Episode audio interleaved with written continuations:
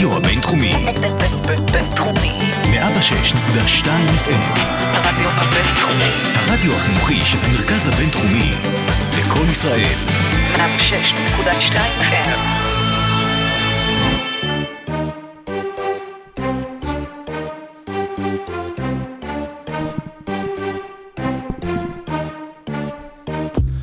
פעמים. יפה, כמה פעמים הצטלמתם עם החברים הקרובים שלכם אה, ביותר, איזושהי תמונה בים, במסיבה, בארוחה משותפת, סתם בפארק, והעליתם את הכיתוב נבחרת החלומות. אבל האם זו באמת נבחרת חלומות אם יואב לא הופיע לתמונה, או אם תומר בדיוק היה בצבא? האם זו נבחרת חלומות אם לא כולם נמצאים שם? ומה זה באמת נבחרת חלומות? מאיפה בא המושג הזה? במיוחד בשביל זה, החזרנו לאולפן מהשבי את החלק הפאזל החסר בנבחרת החלומות שלנו של עושים NBA, שרון דוידוביץ', שיבוא לספר לנו על ההיסטוריה של נבחרת החלומות, בדיוק ברוח המשחקים האולימפיים, מה שאומר שפרק מספר 71 של עושים NBA יוצא לדרך.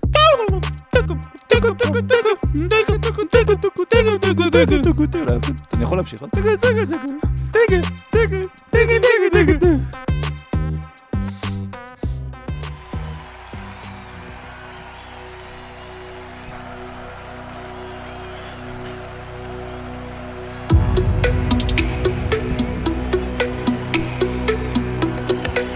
Ladies and gentlemen, welcome to OSIM NBA. Here are your starting five. הימים שלפני, איך החל לו טורניר הכדורסל באולימפיאדה ומה קרה לפני 1992. איך התארגנה לה אסופת השחקנים הטובה ביותר בהיסטוריה ולמה איזיה תומאס לא היה שם. מה היה רגע השיא באולימפיאדת ברצלונה 1992? השיר. מי נבחרת החלומות הטובה ביותר בהיסטוריה אחרי נבחרת החלומות, והאם בכלל אפשר לקרוא להם נבחרת החלומות? וגם קצת חדשות NBA, ראסל ווסטברוק, לייקרס, לאן? לייקרס, כן. זה היה ארבע או חמש? חמש, חמש, חמש, חמש, חמש, חמש. שרון, מה נשמע? וואו, וואו, איזה כיף לחזור, אה, ושוב איתכם, ושוב איתכם, ושלום עליכם, והכל נראה, אף אחד לא יודע את המילים. וואו. כיף, כיף, תשמעו, אני מתנצל בפני ה... אתה יודע מה בעצם אני... הצופים צריכים להגיד, המאזינים צריכים להגיד לי תודה, כי השארתי עם עם החלק הטוב של הפוד אה, את כל הפלייאוף. פספסתי כאן, כן ראיתי בעקיפין, כן. היה יורו, היה תינוק, היה... הצופים לא איבדו אותך, אבל- אנחנו, כאילו, אף אחד לא איבד אותך. המאזינים שלנו, כן, כן. אה, אבל, כיף לחזור, ולחזור לפרק אה, היסטורי, זאת אומרת, עם הרבה הרבה היסטוריה. נכון, וקודם כל מזל טוב גם כן על תודה ההיעדרות. רבה, תודה וחלק רבה. מהסכם חילופי השבויים ששחררנו את שרון בונוצ'י ומזה, הוא ביקש לא לעוד בפרקים עם משה, נכון? אם אפשר כמה שפחות. אפשר כמה שפחות. אז יאללה, זה הולך להיות לנו פרק מעניין היום על נבחרת החלומות. ממש לפני השידור קיוויתי שהם יפסידו שזה יהיה עוד יותר מעניין. גם ניסים. כן, גם ניסים קיוויתי, והפרק הזה מוקדש בשבילו.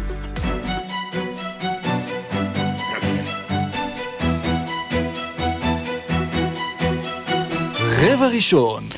אז רבע הראשון בפרק שלנו, פרק מספר 71 של עושים NBA, היום אנחנו גם כן בחלק מה, מהאווירה האולימפית, נדבר באמת על נבחרת החלומות, שגם היא כלולה בספר שלך, אה, סיפור אולימפי, שמי שלא יודע, מי שלא נמצא בטוויטר או בפייסבוק, ממש אה, אתמול אה, שרון העלה סרטון של נדיה קומנץ', נכון? לא, אה, משהו עליה, נדיה קומנץ', כן, כן. ככה מבטאים את שמה. ככה מבטאים את שמה, ונדיה קומנץ', בכבודה ובעצמה, שיתפה את הסרטון. בהודעה עושה פליק קלק ושפגאט. וריטווטה, והודתה, ונתנה חשיפה. וזה היה מרגש, כאילו. אחת הספורטאיות הגדולות בהיסטוריה.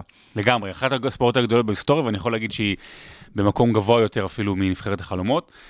אני לא אגיד איפה, מי שרוצה שיקרא בטוויטר. בדיוק, ותראו, אמ, קודם כל, לפני שאנחנו נדבר על העבר ועל המשחקים ב-92 וגם מה שהיה אחרי, צריך, אני חושב שצריך לשים את הדברים על השולחן. ממש כמה שיותר, יש פה- יש לי פה כוס מים, ו... כן, כמה שיותר דברים על השולחן.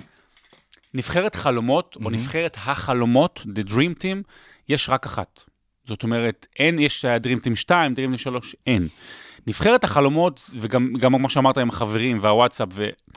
נבחרת החלומות זה איזשהו מושג, ארטילאי אפילו, מושג עם אתוס, עם פאתוס וקצת עם מיתוס, אבל גם עם הרבה הרבה אמת בדברים שמה.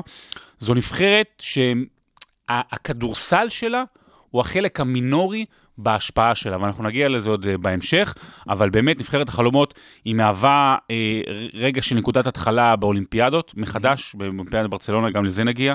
היא מהווה עבורנו, כשכתבנו, אלעד זאבי ואני, את הספר, את הספר, הספר הראשון למעשה, על 50 הכדורסלנים הכי גדולים בדור האחרון, הדור הזה התחיל בנבחרת החלומות, כי, כי משהו קרה שם, משהו גדול קרה שם ב-NBA, אבל במיוחד בעולם הכדורסל, וגם כמובן בסיפור אולימפי, זה נמצא בעשירה הראשונה, כי ההשפעה של הדבר הזה היא, היא עצומה. אבל בוא, בוא נלך אחורה. אחורה, אבל ממש... נבין בכלל, בוא, בוא, נס, בוא תסביר כן. לי איך בכלל קמה נבחרת החלומות, איך- כי לא איך- תמיד היו שחקני NBA באולימפיאדה. נכון, אבל לפני שמסבירים איך, איך קמה נבחרת החלומות, צריך להסביר טיפה רק על טורניר הכדורסל. אז אה, בהתחלה לא היה טורניר כדורסל אה, בא- באולימפיאדה, הפעם הראשונה שהיה כדורסל זה היה ב-1904, אבל אה, זה היה טורניר ראווה. כמה, זה היה בסנט לואיס, והיו שם כמה מכללות. פעם ראשונה שהחל טורניר כדורסל, זה ב... הבנתי שקריס פול עדיין היה שיחק שם. בדיוק. ועשה 30 מיליון דולר. הפעם הראשונה שהייתה, היה טורניר כדורסל, זה היה בג- באולימפיאדה הנאצית בברלין, ב-36, היו 21 נבחרות, היה שם גם איזה משחק ראווה בהתחלה בין ארה"ב לגרמניה, והיו 75 אלף, זה היה באצטדיון אתלטיקה, היו 75 אלף צופים, ועד לא מזמן זה היה המשחק עם הכי הרבה צופים אי פעם בהיסטוריה. ארה"ב דרך אגב ניצחה בגמר הזה, ניצחה בכל המשחקים, ניצחה בגמר את קנ- קנדה 19-8. אה, זה כמו אה, כמו- סטטיסטיקה של... אה, יורו ליג סוף שנות ה-90, כן, אה, ג'ו פורטנברי היה הקלה המצטיין, נזכיר, בלי חוק שניות, אה, בלי שלוש נקודות, אה, אפשר להחזיק פשוט את הכדור כל הזמן, אז 19-8. בשבע אולימפיאדות אחרי זה ארה"ב זוכה, הזכורה אולי אה, ביניהם זה היה ב-1956 עם ביל ראסל. מצחיק אגב שבאולימפיאדה הזאת בטח היה ההפרש הכי גדול בהיסטוריה הברית ניצחה בו משחק. תשע נקודות. ההפרש הכי קטן בהיסטוריה שניצחה. עכשיו זה כן. אז השיא היה ב-1956, באמת נבחרת גדולה, ביל ראסל, קייסי ג'ונס, כל האלה שהרכיבו אחר כך גם את בוסטון סלטיקס הגדולה עם התשע אליפויות. וקרו שני אירועים מאוד משמעותיים שהכינו את הדרך ל-1992.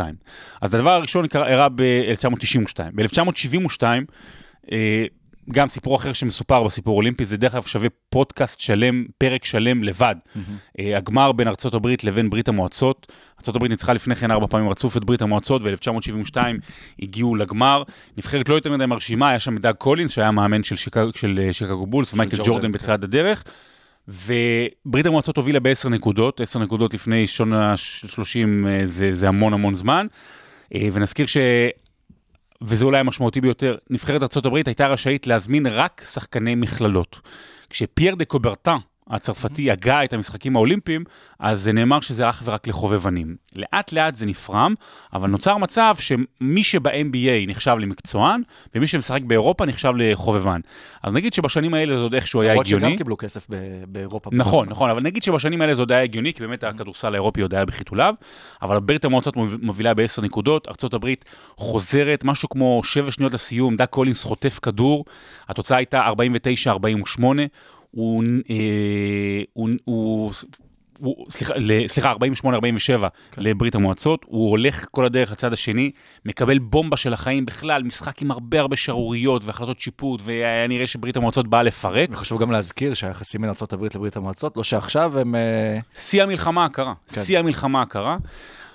ודאק הולינס קולע את שתי הזריקות מהקו, 49-48 לארה"ב, ואז נותרו שלוש שניות על השעון. צריך להוציא את כדור מהקו אה, מתחת לסל, הרחוק, ופעם אחת מוציאים, לא מצליחים, יש שריקה על הבאזר, אבל השופט עוצר, אה, בלאגן היסטרי שם, בגלל שחשבו שקראו לטיימאוט ולא. פעם שנייה, לא מצליחים לקלוע, והאמריקאים כבר התחילו לחגוג, ממש חגגו שם דקות ארוכות ושמחו וצהלו, כי זה קאמבק וזה נגד ברית המועצות, אבל אז עצרו ואמרו, רגע, הדליקו את השעון אה, מאוחר מדי, זה נכון. ואז היה עוד פעם, ושלחו לאלכסנדר בלוב כדור ארוך, ומול שניים הוא הצליח בשנייה האחרונה לקלוע, וברית המוע- המועצות ניצחה. הברית, היה שם באמת סקנדל גדול, מומלץ לקרוא בספר, אה, היא לא, הברית לא הסכימה אפילו לעלות לקבל את המדליות, זו פעם ראשונה בהיסטוריה, לדעתי גם היחידה שמישהו הגיע לאולימפיאדה ולא הסכים לקבל את המדליה שלו. אחד האנשים שם אפילו כתב בצוואה שלו שהוא אוסר על בני משפחתו לכל הדורות לקבל את מדליית הכסף שנמצאת במוזיאון בלוזאן של הוועד האולימפי. באמת סיפור אה, עם המון המון אה, פוליטיקה. אה, אבל אחרי זה ארה"ב מתאוששת, היא זוכה ב-76, ב-80 המערב אה, מחרים את האולימפיאדה במוסקבה, 84 זוכים עם מייקל ג'ורדן, זה בלוס אנג'לס, ואז מגיעה אולימפיאדת 88. עכשיו, הכדורסל האירופי השתפר פלאים. אני מדבר איתך על שחקנים כמו סבוניס ו- וכל האליטה שהפכה להיות בסופו של דבר, ו- ודיבאץ' ויוגוסלביה הגדולה, ושחקנים ש... דרזן ו- ודרזן, וסבוניס כבר נבחר בד... אה, בדראפט, יודע, עדיין לא הולך לשחק, אבל מותר היה לו לשחק, מותר היה לו לשחק, ול... ולשחקני NBA אסור היה לשחק. אז ארה"ב שלחה שחקנים צעירים, בני 20, 21, אה, דיוויד רובינסון, דני מנינג, מיץ' ריצ'מונד, דן מרלי, וגם ווילי אנדרסון. אתה זוכר את ווילי אנדרסון? כן.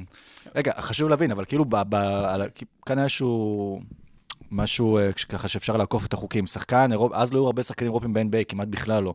אז שחקן אירופי שהיה משחק ב-NBA לא יכל בעצם לשחק בתוך, אה, ב- באולימפיאדה עצמה, כי הוא נחשב מקצוען. נכון, נכון? אה, נכון, ו... אבל כאלה, ש... אלה כאלה שנבחרו אז כן אבל יכלו טרם לשחק. שיחקו, כן.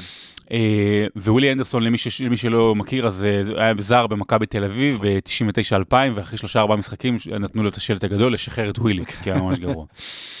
ואז כאילו, קודם כל ארה"ב אומרת, רגע, מה זה לא הוגן? הם הפסידו, סליחה, הגיעה והפסידה בחצי הגמר לברית המועצות, באמת, לא, פשוט לא היה